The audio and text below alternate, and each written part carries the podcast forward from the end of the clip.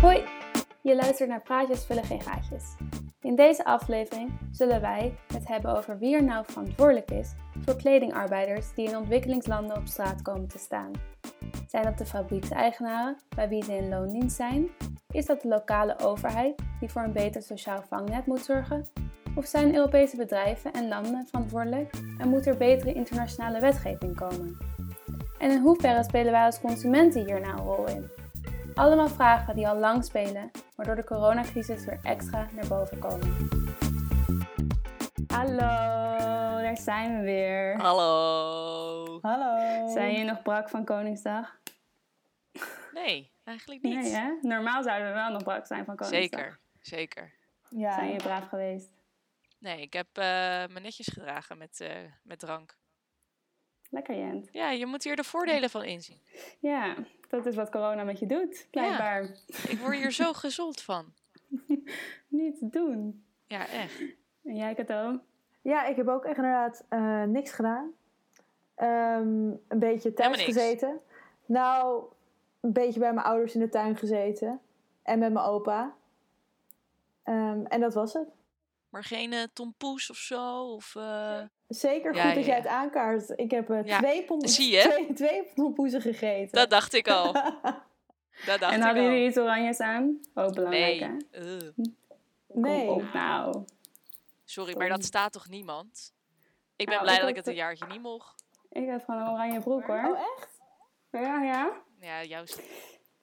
Dat is inderdaad zo. Jij bent eh, de goeroe van de stylisten onder ons. Ja, echt. Daar kunnen wij niet aan Nou, tippen. nou, nou. Goeroe is wel een beetje, Vind ik ook een beetje overdreven. beetje maar goed.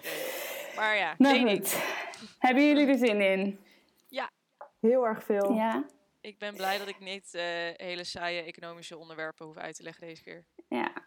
Nou, ik heb het thema ontwikkelingslanden mee naar mijn eigen hand gezet, uiteraard.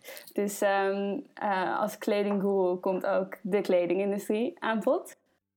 Oké, kijk. We hebben het vorige week natuurlijk over Europese solidariteit gehad.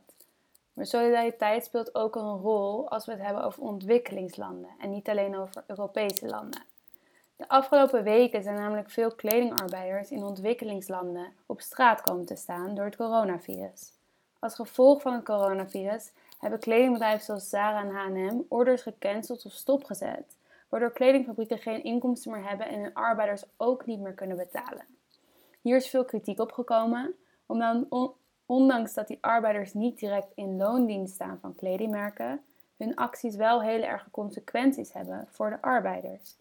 Hierdoor speelt nu heel erg de vraag in hoeverre Europese kledingbedrijven verantwoordelijk zijn voor arbeiders in ontwikkelingslanden. Ik ben benieuwd wat jullie eerste idee daarover is. Dus over die verantwoordelijkheid bedoel je, Ja, waar die verantwoordelijkheid ligt. ja, Nou, ik zou meteen wel denken aan eh, CSR, eh, Corporate Social Responsibility, of MVO dan Ja. in het Nederlands. Ehm, waar zich, ja, dat zijn natuurlijk wel discussies die al langer gaande zijn, waar die verantwoordelijkheid ligt. En ik denk dat, nou, daar zou jij natuurlijk ook wel meer van weten, dat steeds meer bedrijven zich, dat, ze, dat zij toegeven dat zij een bepaalde verantwoordelijkheid hebben in het productiesysteem. Maar waar het uiteindelijk ook ligt, dat ligt aan de wetgeving natuurlijk. Dus ik weet zelf niet zo goed hoe dat geregeld is. Ik denk, ehm, misschien kan jij dat wel even uitleggen van als, als je zo'n grote keten hebt, soort, zoals Sarah, en die hebben dan ergens een hoofdkantoor staan. En ehm, die produceren dan, dus ze hebben dus geen contract met die fabriek. Maar kan, kan er dan niet iets geregeld worden, bijvoorbeeld van nationale wetgeving, van het hoofdkantoor, waar, ehm, ja, waar, waar dat merk dan staat? Kan die daar niet iets over zeggen van?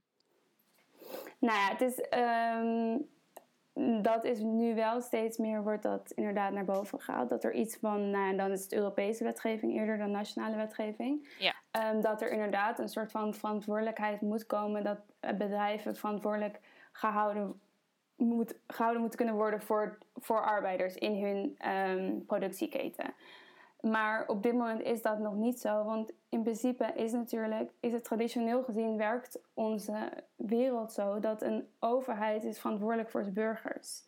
En dit zijn, als je bijvoorbeeld Bangladesh neemt, waar veel ehm, van dit textielfabrieken staan, ehm, is het zo dat de overheid van Bangladesh in principe verantwoordelijk is voor zijn burgers. En daar gelden gewoon een stuk minder regels op het gebied van uh, ontslagrecht, uh, arbeidsrecht in het algemeen en ook over gezondheidsrisico's. Uh, en is dat al helemaal, komt dat dus nu naar boven, omdat er geen, niet echt zo'n groot sociaal vangnet is als bijvoorbeeld in Nederland. Ja, gewoon totaal geen sterke wel, welvaartsstaat zoals wij hier zien. Ja, ja, absoluut. Ja, en ik vind dan dus wel echt dat grote bedrijven wel hun verantwoordelijkheid moeten nemen daarin. Zoals Zara, ja. Primark. Ja, absoluut. Maar je moet, dan moet je wel vragen hoe ver gaat deze verantwoordelijkheid? Want ehm, we zit, uh, ik denk dat het wel helemaal nu interessant is, omdat we dus nu natuurlijk in een crisis zitten. En deze bedrijven hebben het nu ook heel moeilijk. Zeg maar, ze hebben het al moeilijk om hun eigen mensen uh, in loondienst te houden. Ja, daar ben en ik hoe, ook... hoe, Dan kan je dus afvragen in hoeverre zijn zij dan ook nog verantwoordelijk voor deze mensen? daar ben ik het ook echt mee eens dat dat soort bedrijven het moeilijk hebben om hun eigen broek uh, hoog te houden. In ieder geval, dat las ik ook in een uh, artikel uh, van NRC. Zullen we even het linkje naar, naartoe sturen? Maar ik vind ook dat daarbij meespeelt het ondernemingsrisico als organisatie. Dat je dus ook wat in kas moet houden voor slechtere tijden. En je kan niet zeggen dat, oké, we zitten dan in een maand in lockdown en misschien twee maanden dat je binnen twee maanden helemaal failliet gaat. En dat je niet eens je eigen productieproces in lage lonenlanden een beetje kan helpen. Dan vind ik dat je veel te veel winst hebt uitgekeerd of niet goed met je geld bent omgegaan binnen je organisatie. Misschien een beetje een hard statement, maar ja, ik denk je moet gewoon beter met je geld omgaan in die zin als organisatie om ook wat uh, om een vangnet te hebben. True, maar je kan natuurlijk als bedrijf niet uh, een buffer maken zodat je een pandemie kan overleven. Ja, eens. Dat werkt natuurlijk niet. Dus ik denk in dat opzicht. Ik bedoel, het is niet natuurlijk het een of het ander. Het is niet van, oh, het is de overheid of het is het bedrijfsleven. Ik denk dat het een gedeelde verantwoordelijkheid daarin zit.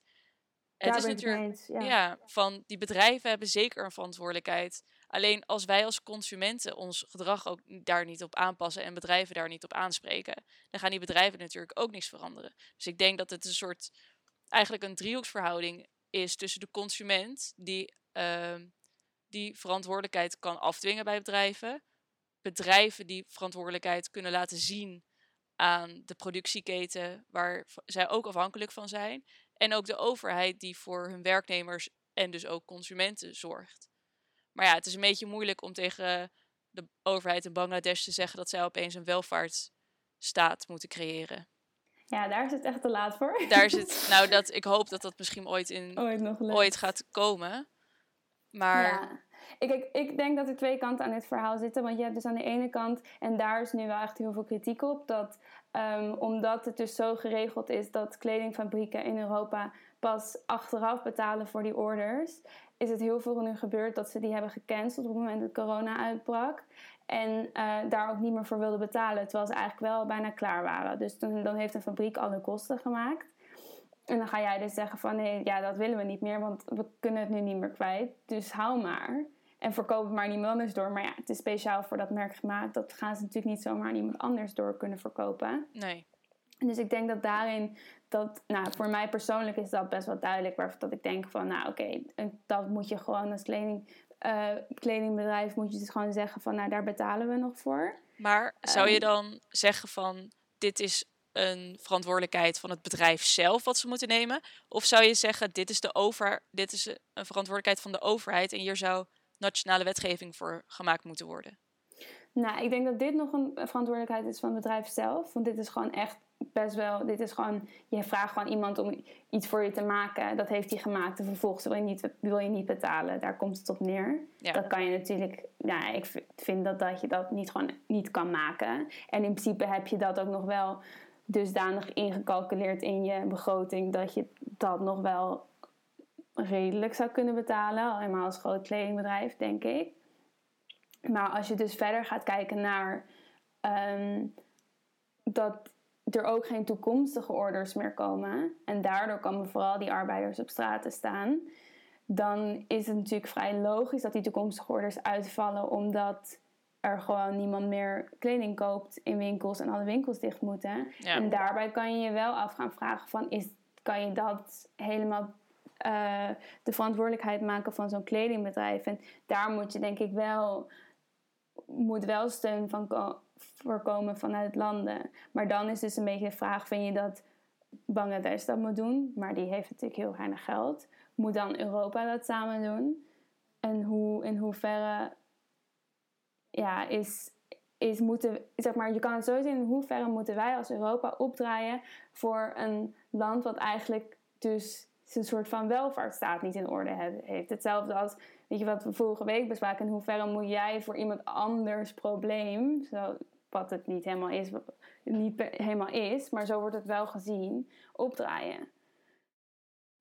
Ja, en ik vind het, moet wel eerlijk zeggen dat het natuurlijk wel een andere discussie is. Want dit gaat om uh, organisaties, commerciële organisaties, die, die winst hebben gemaakt. De marges in de kledingindustrie zijn niet zo heel hoog. Of in ieder geval, die kunnen wel heel hoog worden. Toch, Jo?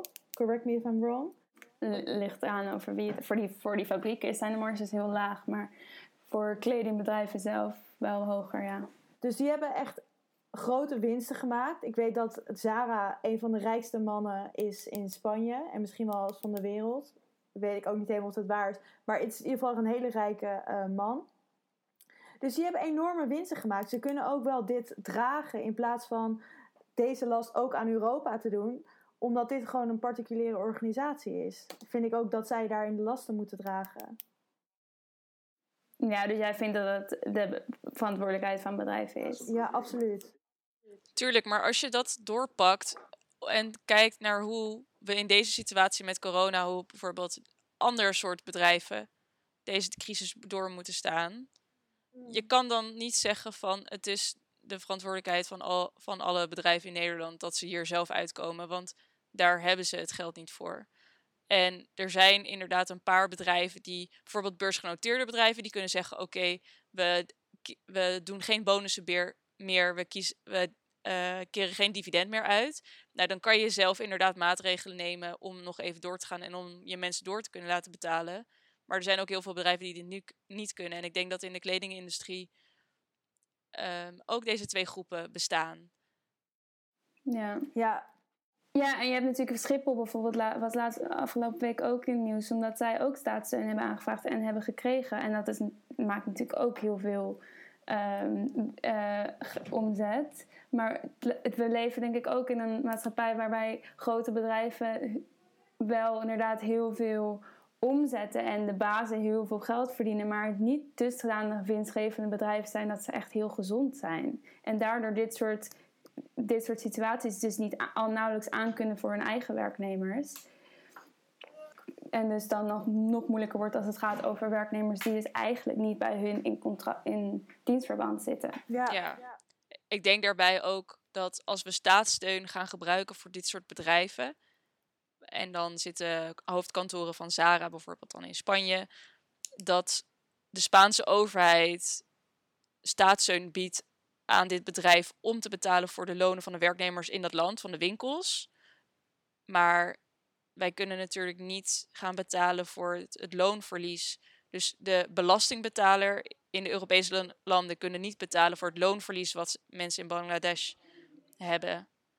Dus ik denk dat daar inderdaad in dat opzicht de verantwoordelijkheid ligt bij die kledingbedrijven, dat zij gewoon de orders die ze hebben uitstaan wel moeten betalen. Maar ik zou dan denken, hier kunnen landen waar, waar het hoofdkantoor staat wel een, een wet voor maken, toch?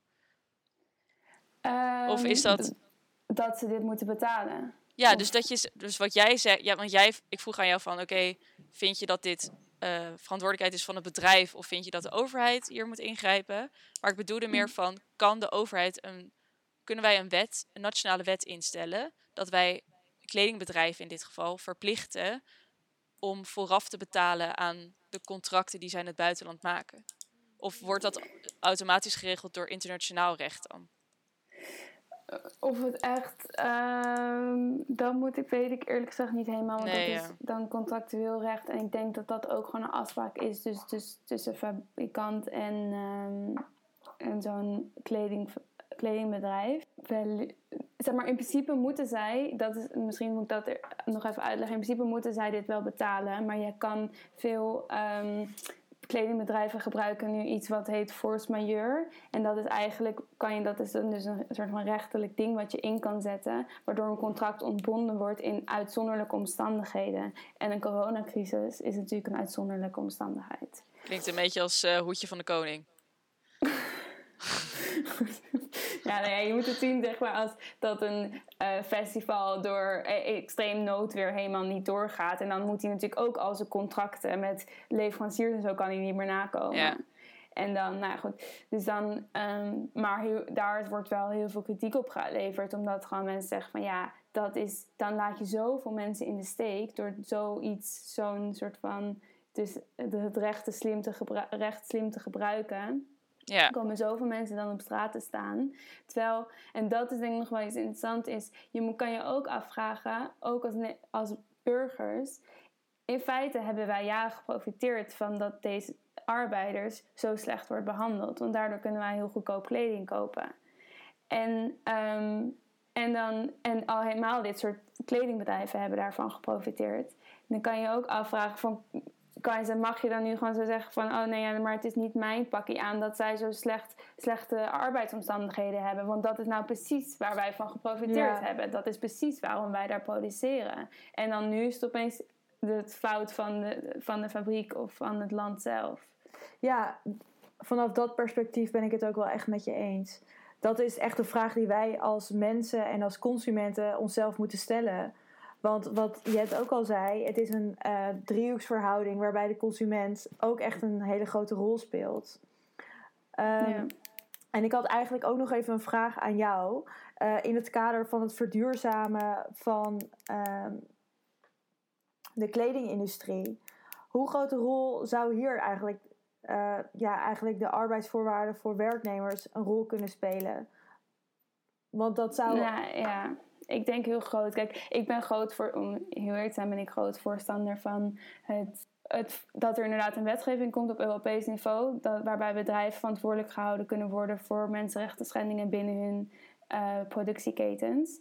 Oh, en, dat, uh, en dat zou gewoon ertoe leiden dat dit soort dingen veel minder snel gebeuren. Want dan moet zij dus vanaf het begin af aan al alleen maar in zee gaan met fabrieken die goede mensenrechtenomstandigheden hebben. En dan dan wordt daar veel beter op gelet. En dan zullen ook fabrieken in dat soort landen daar meer op, gaan, op gaan letten. Want ze moeten daar, anders gaan die kledingbedrijven niet met hun in zee. Nou is dit wel heel kort de bocht, want er zitten wel hele ingewikkelde dingen aan. Maar ik, ik denk wel dat dat uiteindelijk de oplossing is. Ook omdat je dan voor alle bedrijven gewoon wat ze dan noemen een level playing field creëert. Waardoor al die bedrijven zich daaraan moeten, aan moeten voldoen. En niet de een de ander kan wegconcurreren door hele lage arbeidskosten te hebben. Want dat is natuurlijk nu ook een probleem. Dat uiteindelijk elke kledingfabriek het maar doet. Omdat ze anders niet mee kunnen met de concurrentie. Ja.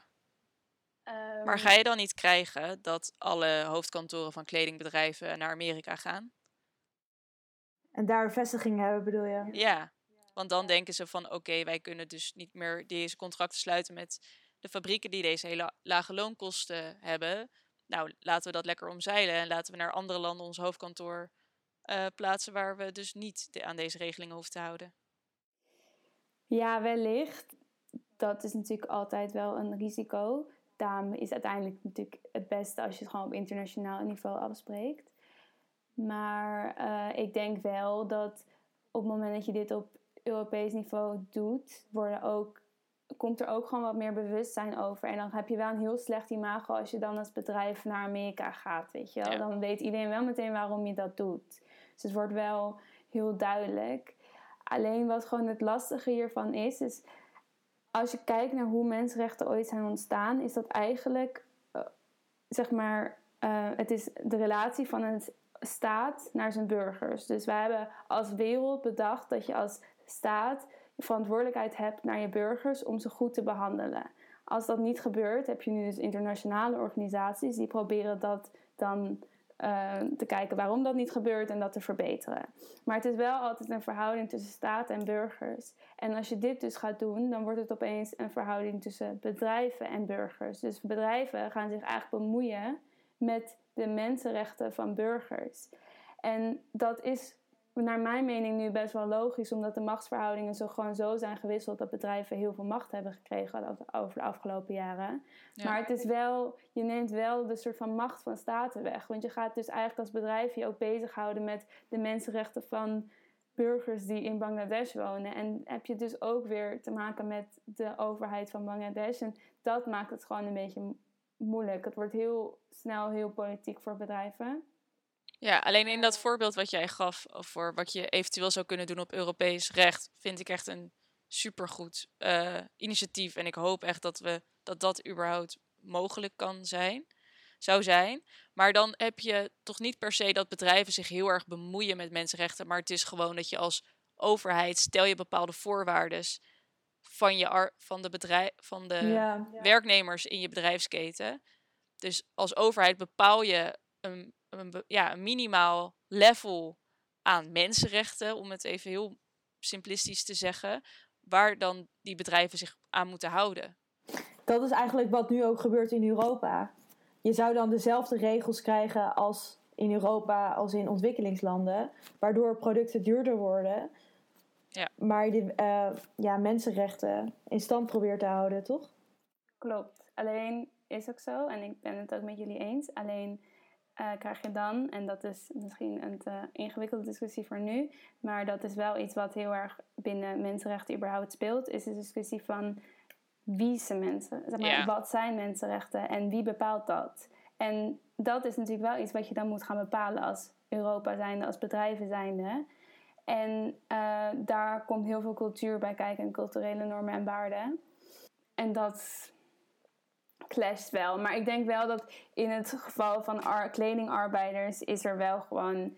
Dat zijn voor iets van 80, 80 90 procent zijn vrouwen. En er zijn wel al inmiddels heel veel organisaties die zich daarmee bezighouden. En ook in landen als Bangladesh zelf, waarbij gewoon vrouwen ook wel steeds meer voor hun rechten opkomen. Dus het is wel duidelijk dat daar iets moet veranderen. En er zijn uh, heel erg ongelukken geweest. Dus in die zin is daar iedereen het wel over eens dat dat gewoon echt beter kan. Alleen ja, bedrijven willen het over het algemeen natuurlijk niet, omdat het hun heel veel geld gaat kosten en ook moeilijk is om, uh, om, dat, om het goed te blijven controleren, want dat is wat ze dan moeten gaan doen. Maar ik heb bijvoorbeeld, oh, om het terug te halen op de coronacrisis, of het gaat veranderen na de coronacrisis. Ik weet wel dat er nu zijn, is er een initiatief gestart uh, van, uh, volgens mij iets van 80, maar dat weet ik niet aan mijn hoofd, organisaties die zich hiermee bezighouden.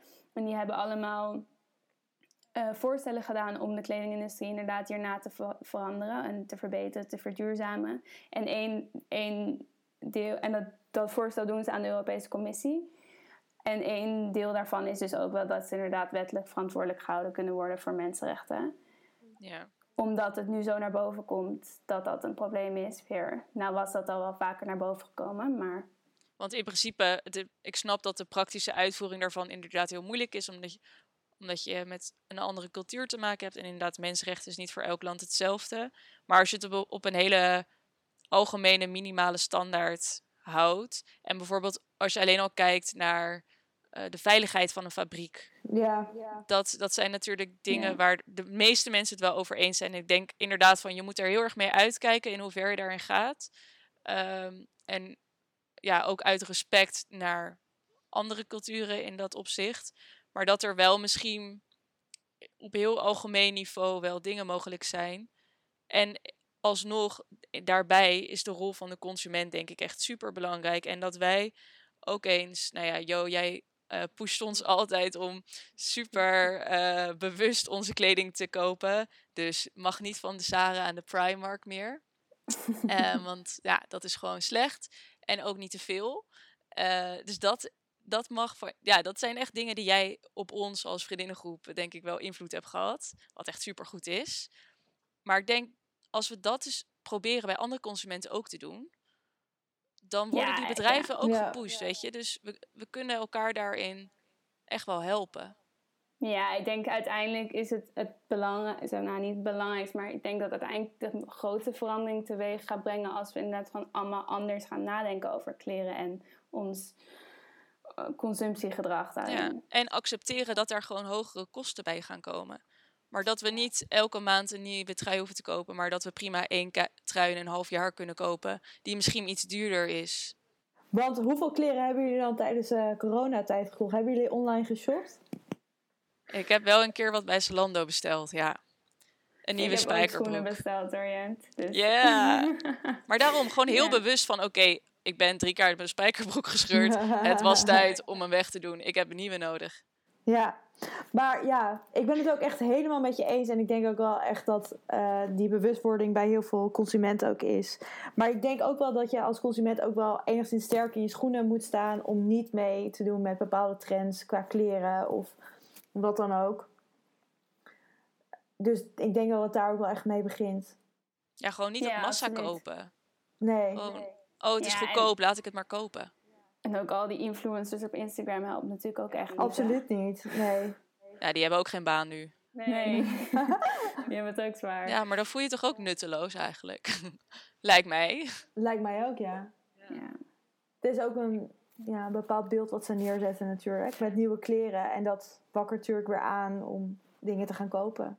Ja, Ja, maar influencers die sturen gewoon alles terug, hè. Dat zie je niet op beeld, maar dat doen ze wel. En dat is, dan lijkt het alsof ze een kledingkast hebben van, eh, ja. die super groot is. Maar, En wordt teruggestuurde kleding wordt vaak gewoon weggegooid, Ver- toch? ja, verbrand Ja. toch? Ja, omdat het gewoon vaak in dusdanig slechte status is dat ze het niet meer echt kunnen verkopen, maar dan weer terugsturen en met die klant dat soort van gaan afhandelen kost ook weer te veel tijd en geld. Dus dan gooien ze het gewoon weg. Ja, Ja, dat, is echt heel erg. bizar. Ja, Ja. maar ja, ik hoop dat dit wel een goede bewustwording... eh tenminste, ik heb er echt wel weer wat van geleerd. En inderdaad, Goed dat die rol als consument steeds duidelijker wordt. ja, Absoluut. En dat wij daar echt wel... Dat die verantwoordelijkheid ook bij ons ligt. Ja, ik hoop ook dat misschien, dat is het laatste over denk, dat misschien ook gewoon mensen, doordat ze nu alleen maar dan thuis zitten, ook gewoon nadenken over, ik heb ook eigenlijk niet zoveel nodig. Absoluut. Ik heb trouwens ook uit, eh, trouwens misschien hebben jullie dat ook, uit Londen heb ik maar een klein koffertje meegenomen met kleren. En voor de rest heb ik geen kleren thuis. Dus ik loop eigenlijk de hele dag in bijna dezelfde kleren. Elke twee dagen heb ik een andere kleren aan, maar dat was het dan wel weer.